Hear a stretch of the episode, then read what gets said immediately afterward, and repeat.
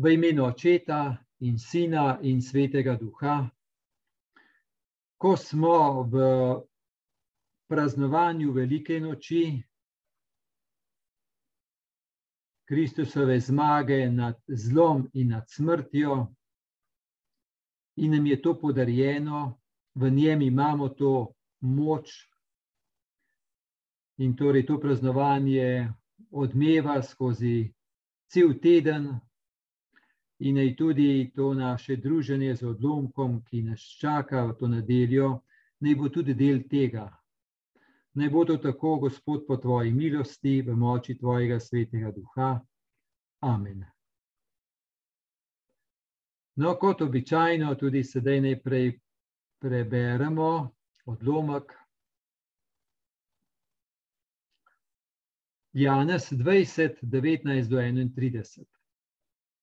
Pod noč tistega dne, prvega v tednu, ko so bila tam, kjer so se učenci zadrževali, iz strahu pred ljudi zaklenjena, je prišel Jezus, stopil mednje in jim rekel: Mir vam bodi.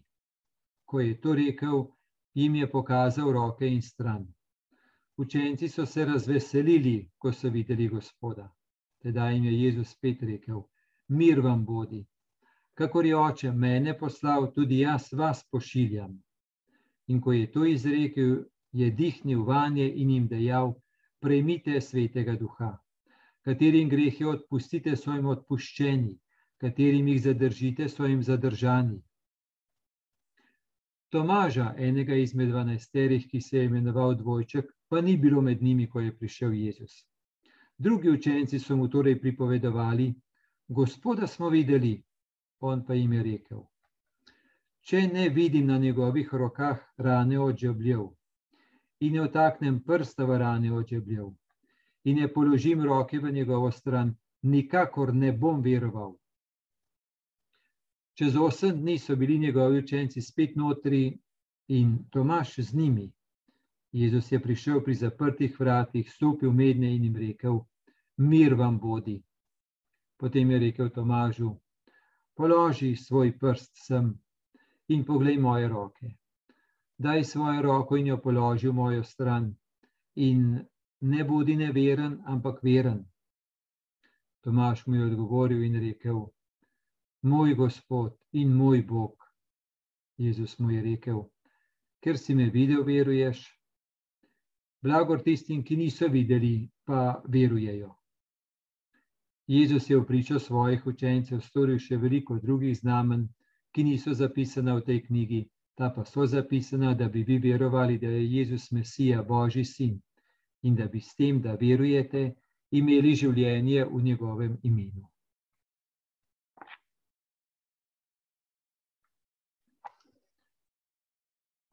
Torej, kontekst se nahajamo v 20. 20. poglavju Janezovega evangelija. Za začetkom tega poglavja so poročila o stajenju, najprej Marija Magdalena, ki zgodaj teče v grobu in vidi, da je grob odprt in prazen.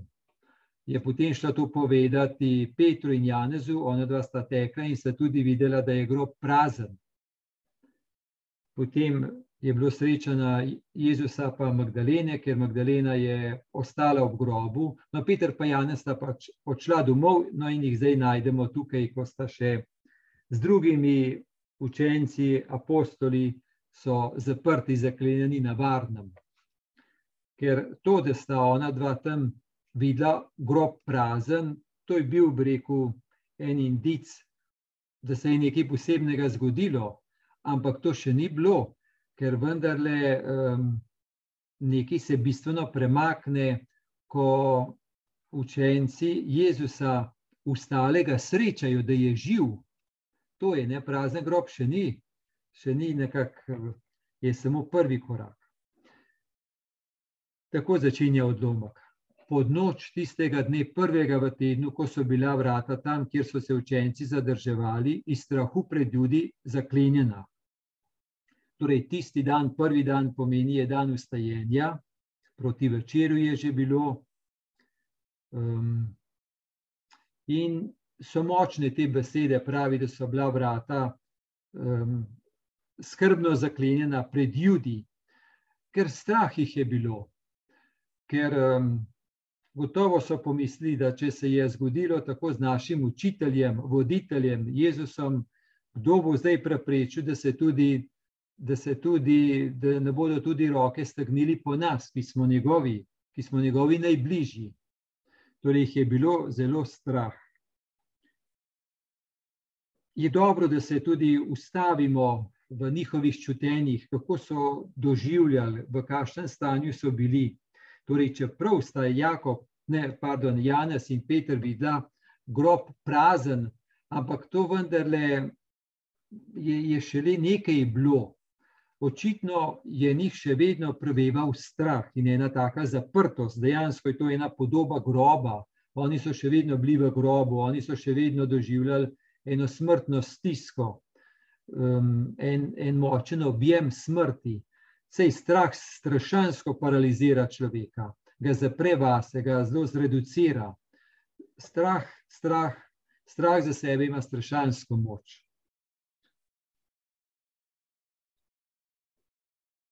Pa tudi to si lahko predstavljamo, da um, je ta strah bil toliko močnejši zato, ker potem, ko je eden izmed njih postal ideal, izdajalec in je izdal, in verjetno niso pričakovali, da bo se tako zgodilo.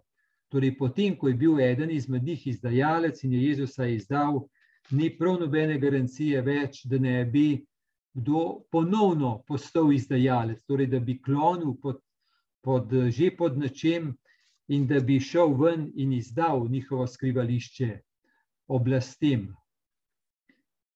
Predvsem pa so bili te ure, oziroma ti dnevi, velik petek, velika sobota, pa potem ta čas, so bili gotovo en tak trenutek, ko je vsak pri sebi premišljal, kaj se je pravzaprav zgodilo, kako se je vse skupaj ustavilo, kako je vse skupaj nekako tako, tako obetavno, da je šlo v franže, ker oni vendarle so si predstavljali, da bodo z Jezusom nekje zavladali, že v enem kraljestvu, in da bodo imeli eno svojo, svoje mesto pri tem. In potem se je pa tako vse eh, nekako sesulo, in si lahko predstavljamo, kaj so doživljali ob tem, koliko je enega razočaranja, koliko je vsakdo premišljal. Tri leta življenja sem dal za to, pa tako obetavno je bilo. In sem pustil doma to, ali ženo, ali otroke, ali kakšen drug starše, vse sem v to dal, čisto v to, in zdaj pa ostajamo brez razen tiste novice, da je grob prazen, ampak mi pa še vedno ostajamo z, vsem, z vso to polomijo. Tako da ta podoba, da so zaprti noter in da so se zaklenili, res eh, odzvanja oziroma odslikuje, kaj se v njih dogaja. Tako lahko tudi mi posebimo v smislu, mm, kaj je za nas, kdaj je kakšen prostor zaprtosti, sumničavosti, prestrašenosti. No, in tudi če je tako, ampak vendarle, če, je, če, če so nekako eno ustrajanje skupaj, kot so oni ustrajali, Jezus zna najti pot, kljub vsej zaprtosti. No, to nam daje pa ogromno upanja. Torej, ne bodo vrata še tako zaprta, ampak kako Gospod zna najti dostop, to je pa za nas vir upanja, znova pa znova. Da tudi naša zaprtost, ki nas lahko zelo prestraši, in imamo občutek, da smo absolutno, da, da delamo eno absolutno zaporo in prepreko Gospodu, ampak da On zmore priti tudi onkraj tega. To pa je res eno trdno upanje. Ker drugačna skušnjava lahko dobi, a se Gospod bi že prišel, če bi ti malo bolj veroval, pa zaupal. Ja, tako skušnjava pravi, ne? božja beseda pa pravi, da ja, tudi če si ti tak, ampak če le nekaj dovoliš, iščeš, si odprt, bo Gospod že našel pot. No, in pravi naprej, je prišel Jezus, stopil mednje in jim rekel: Mir vam bodi. No, in močen ta izraz, stopil mednje. Stopil mednje, to pomeni, en tak poudarek na skupnosti, na odnosih, stopil mednje. Se pravi, kot da je on med njimi, da on vzpostavlja ponovno zaupanje med njimi, živost med njimi, med, med nje vstopi. On je ves med njimi, on ponovno vzpostavlja ves. In jim je rekel: Mir vam bodi. Najprej vidimo, torej, samo na kratko rečeno, mir vam bodi, da jim je rekel. Predvsem vidimo, da če jim je to rekel, ni najprej, ko je prišel, jih ni najprej okregal. Ni jim najprej rekel, zdaj pa se moramo mi najprej pomeniti, kje ste bili takrat, ko sem jaz trpel, ko je bilo meni težko. Peter, a nisi ti nekaj obljubljal, kaj zdaj to? A me prosiš odpuščanja, ti je žal, a ne, upam, da ti je. Torej, bi lahko naredil kar krepek obračun, bi kar rekel, najprej bomo mi poračunali, ker bomo šli lahko naprej, ko bomo vse poračunali, ko bo vsak priznal svojo krivdo, ko bo vsak odslužil in odplačal svojo krivdo. Rad se ne premaknemo tukaj in vas bom držal, dokler ne boste to storili. Ne gremo prej naprej. Odplačali mi boste, aj tako rekel. No, to in, in jim je pravi, mir vam bodi. Ko je ta izraz mir, je gotovo šalom, mnogo močnejši kot uh, je naš mir. Ker um, oni se pozdravljajo, ta njihov sobotni pozdrav je šabat šalom. Pomen, um, torej na soboto, na sveti dan se pozdravljajo tako. Um, torej, polnost blagoslova, polno življenja, to jim je dal, ne samo mir, odsotnost konflikta, odsotnost težav, ampak polnost, to je njihov šalom. Torej, prav polnost božjega blagoslova, ljubljenosti, to jim je dal. Torej, vse to, kar je prinesel od očeta, dejansko jim je dal. Nim, takem kot so tam. Grešniki, prestrašeni zase, ujeti v, v strah zase, njim je dal to, kar je prinesel od očeta. To jim je posredoval. Naprej pravi, in ko je to rekel, jim je pokazal roke in stran. Torej, rane, ki na tako tipljiv način kažejo, da je to isti, ista oseba, trpeči Jezus Kristus in zdaj ostali Jezus Kristus da to ni ena fantazma, en duh, ampak da je to isti. Ker to je gotovo bilo za učence najbolj tako težko, če so ga videli tam trpeti, biti ranjen, torej prav v objemu človeškega zla. In je zelo močno, toliko močno, da ga je do smrti pripeljal, kako bi zdaj bilo mogoče, da je ta kar živ. No, in prav to, da so te iste rane, torej ta človek s temi ranami, da je zdaj ustali, da je to isti. To je bilo za njih en dokaz, da je to res on. Obenem pa um, še bolj kot to, ta identifikacija, so pa te poveličane rane eno znamenje ali pa dokaz ali pa otipljiva, otipljivost, kako ima zadnjo besedo Bog in božja ljubezen. In so, torej, če so te rane bile dobljene zaradi Jezusove ljubezni do človeka, zaradi Jezusove zvestobe nebeškemu očetu, torej te rane, da so bile pridobljene iz ljubezni, v ljubezni, Takrat gotovo so ljudje bolj videli moč človeškega zla, ne toliko Jezusove ljubezni. Ampak to je Jezusova moč na križu bila, ljubezen. Vse Jezusovo herojstvo ni toliko zdaj v tem smislu bilo, da je kot en strašansk možakar močen in prenašal fizično pa čustveno trpljenje. Ni to vse, ni to najbolj bistveno, pa najbolj temeljno. Najbolj temeljno je, da je Jezus bil na križu silno močen in strašansko močna ljubezen je bila prisotna. In v moči te ljubezni je Jezus bil ranjen, sprejel te rane. In te rane, enkrat, ko so zapustile to človeško zlo in smrt, so se te iste rane zasvetile v ljubezni, presvetljene so bile. Torej, v tej ljubezni, ki je bila že takrat prisotna, ampak skrita, potem se pa enkrat zasveti ta ljubezen. Torej, te rane niso bile več krvaveče in niso govorile več o moči zla, ampak o moči ljubezni, ki je bila prisotna. To je res pomembno, zato ker mi v življenju prav gotovo, gotovo želimo živeti ljubezen. Prav gotovo. In na tej poti srečamo trpljenje in kakšen križ. Srečamo in tudi dobimo kakšno rano. V medsebojnih odnosih, če jih želimo živeti v eni bližini, v eni ljubezni, prav gotovo bomo tudi ranjeni. Prav gotovo. Prav gotovo. Ampak poglejte, takrat, ko nas nekaj, ko smo ranjeni, predvsem bolečino občutimo, ne pa toliko ljubezni. In to, da je pa ljubezen prisotna in da se bo enkrat zasvetila, to pa enkrat bo. To, da bi mi lahko velikonočno gledali, da ne bi mi samo čutili, kako naprimer zdaj dobivamo kakšno rano zaradi tega, ker ustrajamo na poti ljubezni in poslanstv in odnosov, ampak da je vendarle vse to ena pot, kjer je že ljubezen prisotna, ampak enkrat bo zasvetila.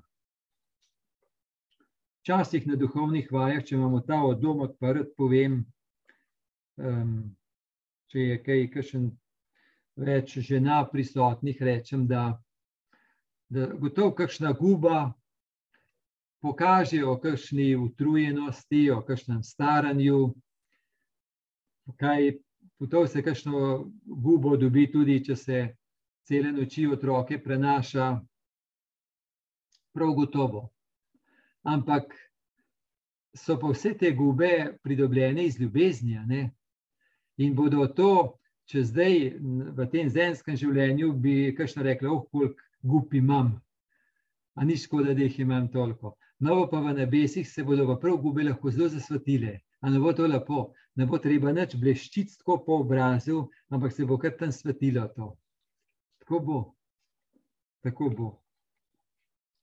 No, potem naprej pravi, učenci so se razveselili, ko so videli gospoda. No, veselje v svetem pismu, to je res en tak praznovanje nepolnosti Božje prisotnosti um, in jih lahko res sočutimo z njimi, kako to je, da so videli gospoda prisotnega.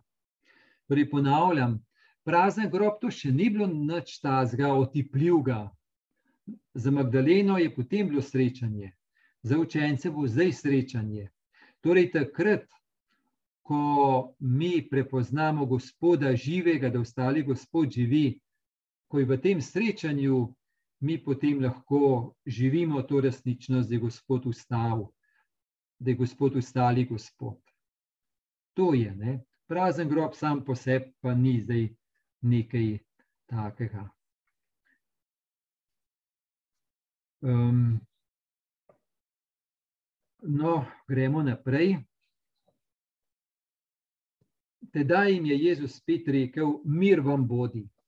Kakor je oče mene poslal, tudi jaz vas pošiljam. In ko je to izrekel, je dihnil vanje in jim dejal: Prejmite svetega duha, in tako naprej. No, ponovi, mir vam bodi, torej, kot da dvakrat reče, kot da prvič še ni prišlo do njih srca, prvič, da se jih še ni v polnosti dotaknil, kot da je moral potrditi. Je rekel, res dajem vam polnost Božjega blagoslova, polnost zaupanja, polnost odpuščanja, polnost ljubezni. Prejmite to, odprite srce, sprejmite to, ne vas doseže to. Vse odpreti srce ni tako avtomatsko, ne, vse to vsi vemo. To je kar ena pot, ena dinamika, no in Gospod ustraja. No in potem pravi, kakor je oče mene poslal, tudi jaz vas pošiljam. To pomeni v tem smislu, zdaj je vrsta na njih, Oče je dal Jezusu poslanstvo, torej naj pokaže ljudem, da je oče dober in kako dober je.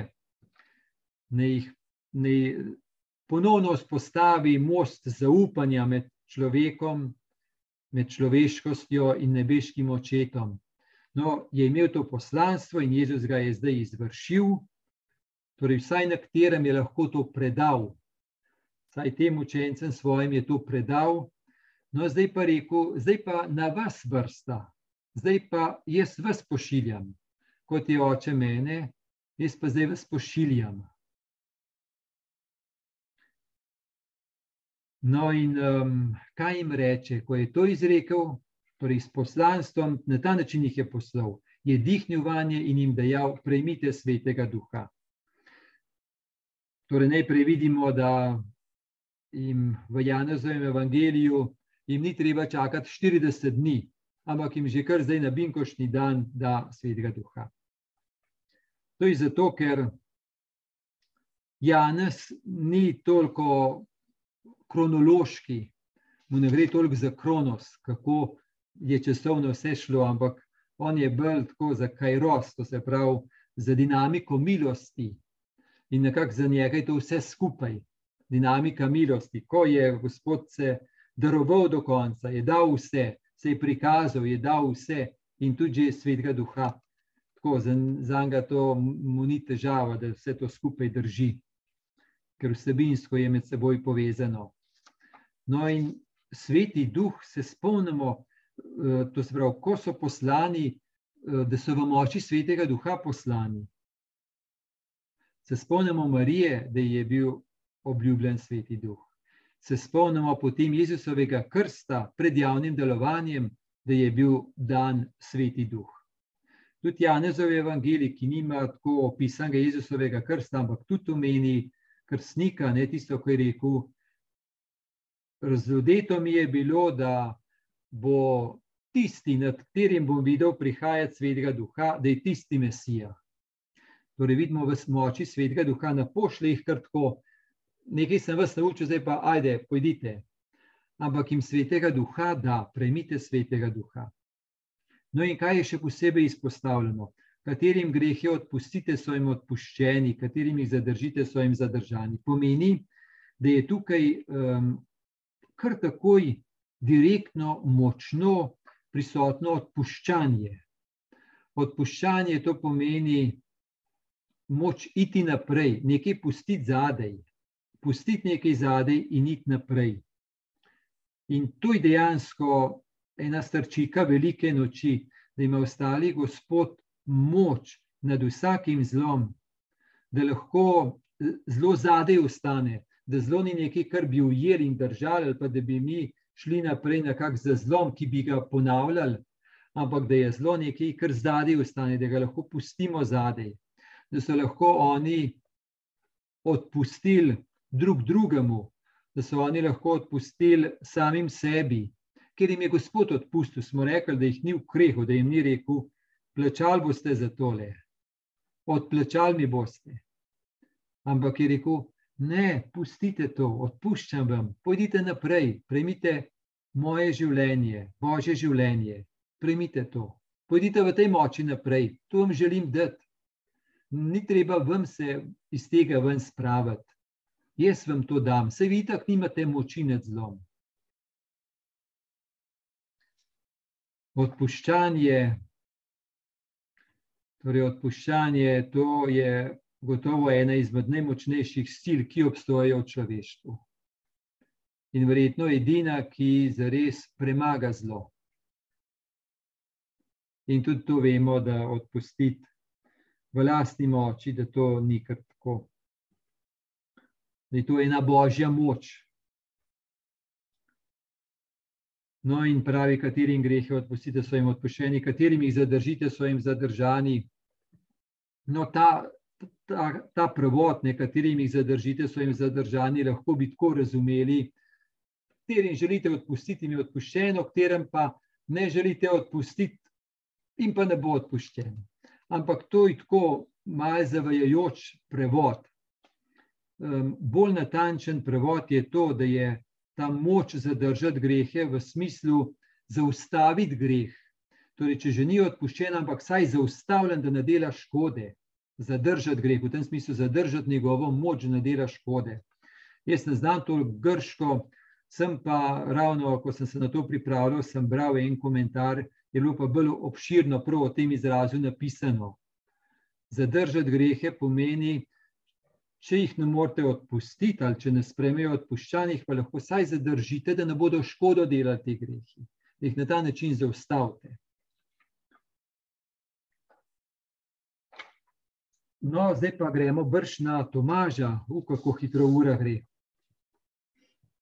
Tomaža, enega izmed dvanajsterih, ki se je imenoval dvojček, pa ni bilo med njimi, ko je prišel Jezus. Drugi učenci so mu pripovedovali, gospoda smo videli, on pa jim je rekel, če ne vidim na njegovih rokah in tako naprej. No, zdaj tale Tomaš, apostol Tomaš pravi, eden izmed dvanajsterih, to je tak zelo poseben izraz v svetem, v evangelijih. Juda, eden izmed dvanajsterih.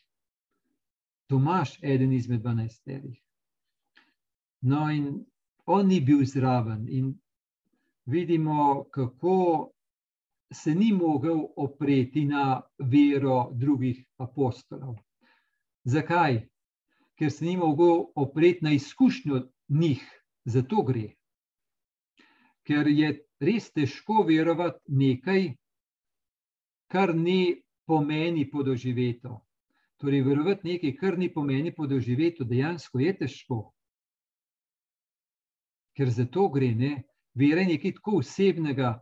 In zdaj, če je to nekaj osebno podoživeto, je to en prostor vere in s tem odnosa z Bogom.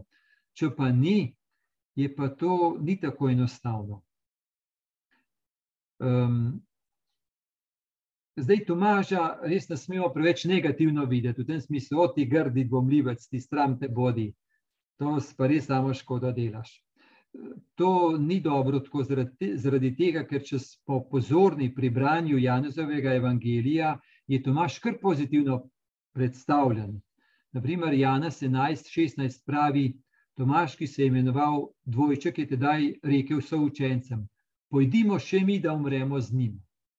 Torej, vidimo eno močno držo pripadnosti, pa povezanosti z Jezusom, ne z ene distance, ampak prav blizu.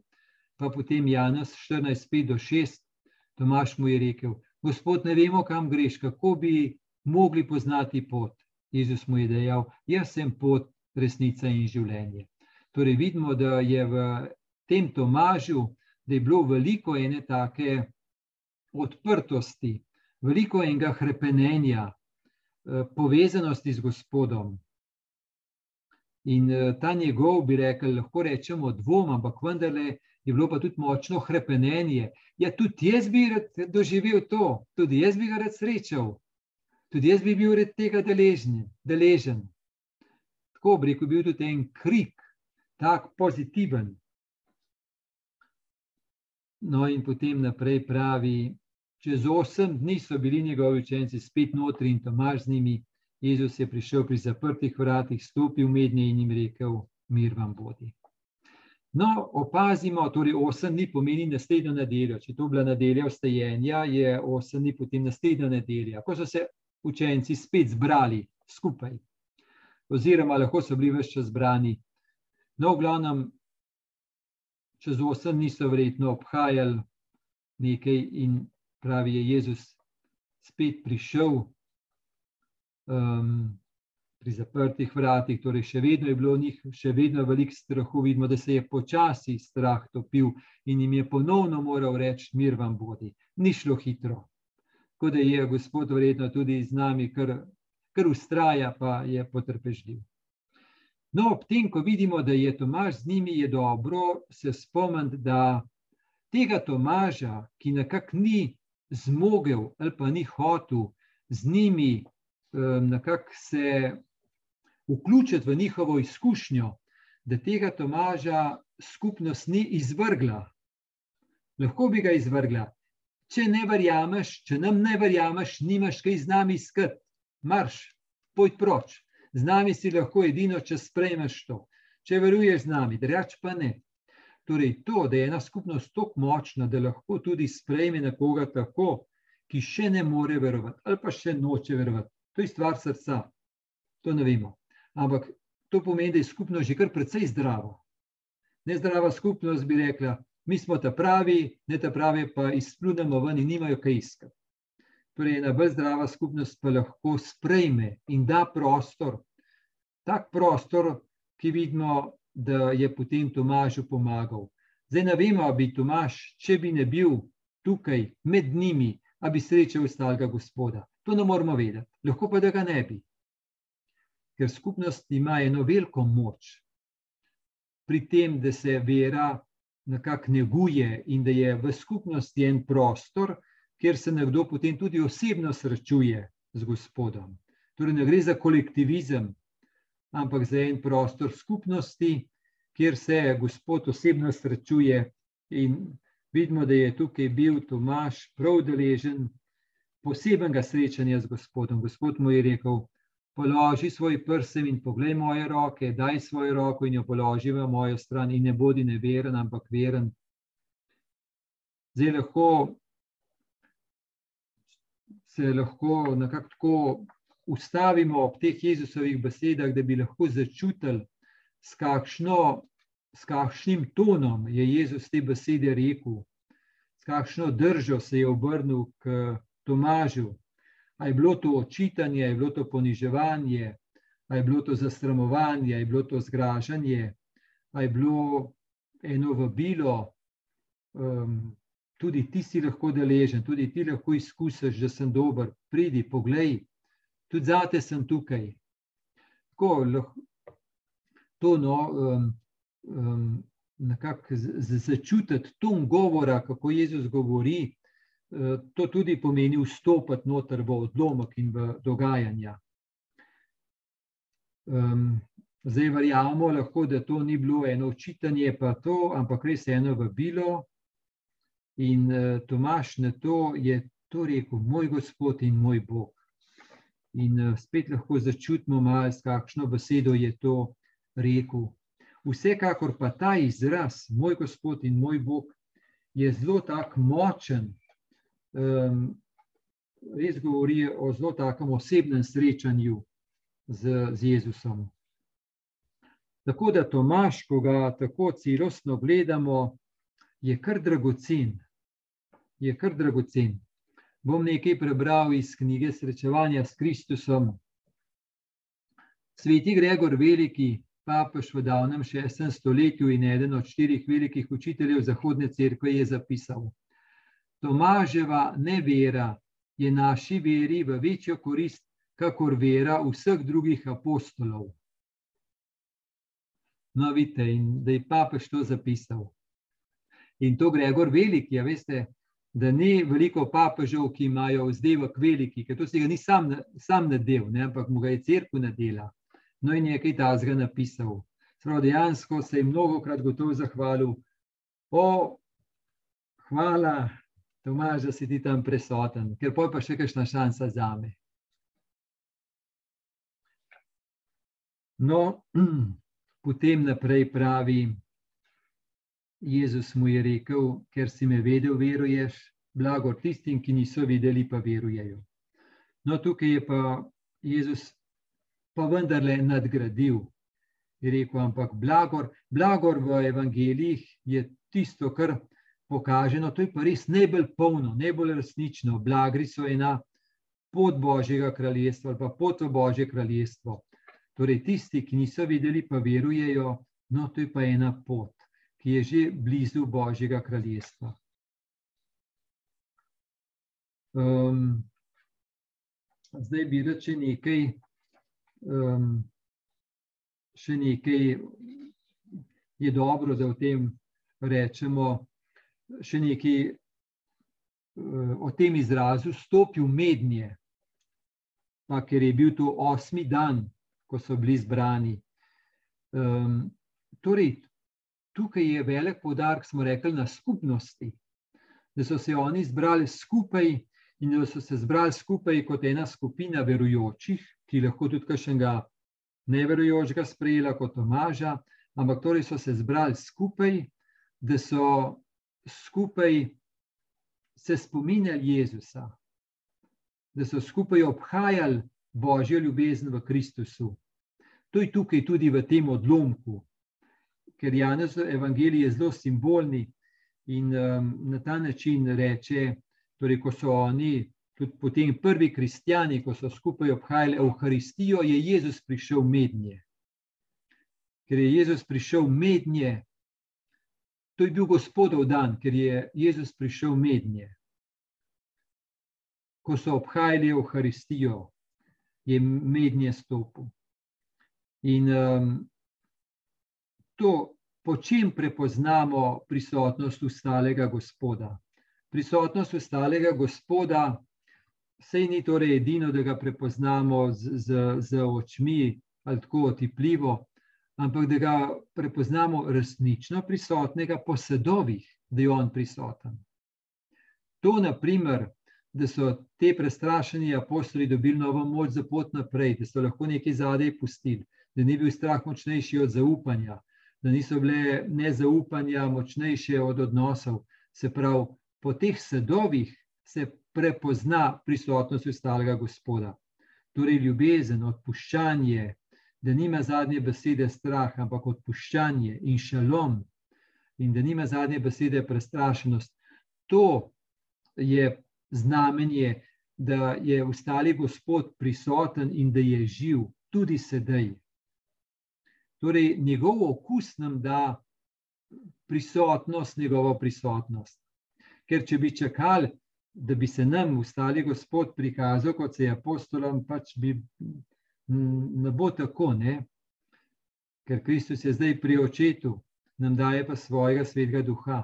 Ampak to, da je pa takrat že ustali Gospod učil svoje učence, kako naj ga prepoznajo, in da ga prepoznajo po sadovih, to pa tudi naslednjo nedeljo bo spet en tak odlomek v to smer.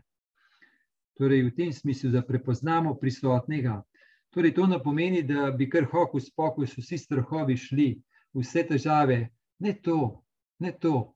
Ampak da kakorkoli že smo, tudi če smo zaprti, ampak če pa smo skupaj, če se nekako naslanjamo drug na drugega, da smo skupaj, da skupaj verujemo, potem pa lahko skupaj okusimo, da Gospod stopa med nas in da nam daje svoje božje življenje.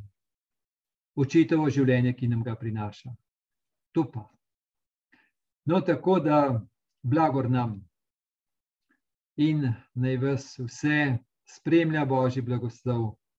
Blagoslov Boga Očeta in Sina in Svetega Duha.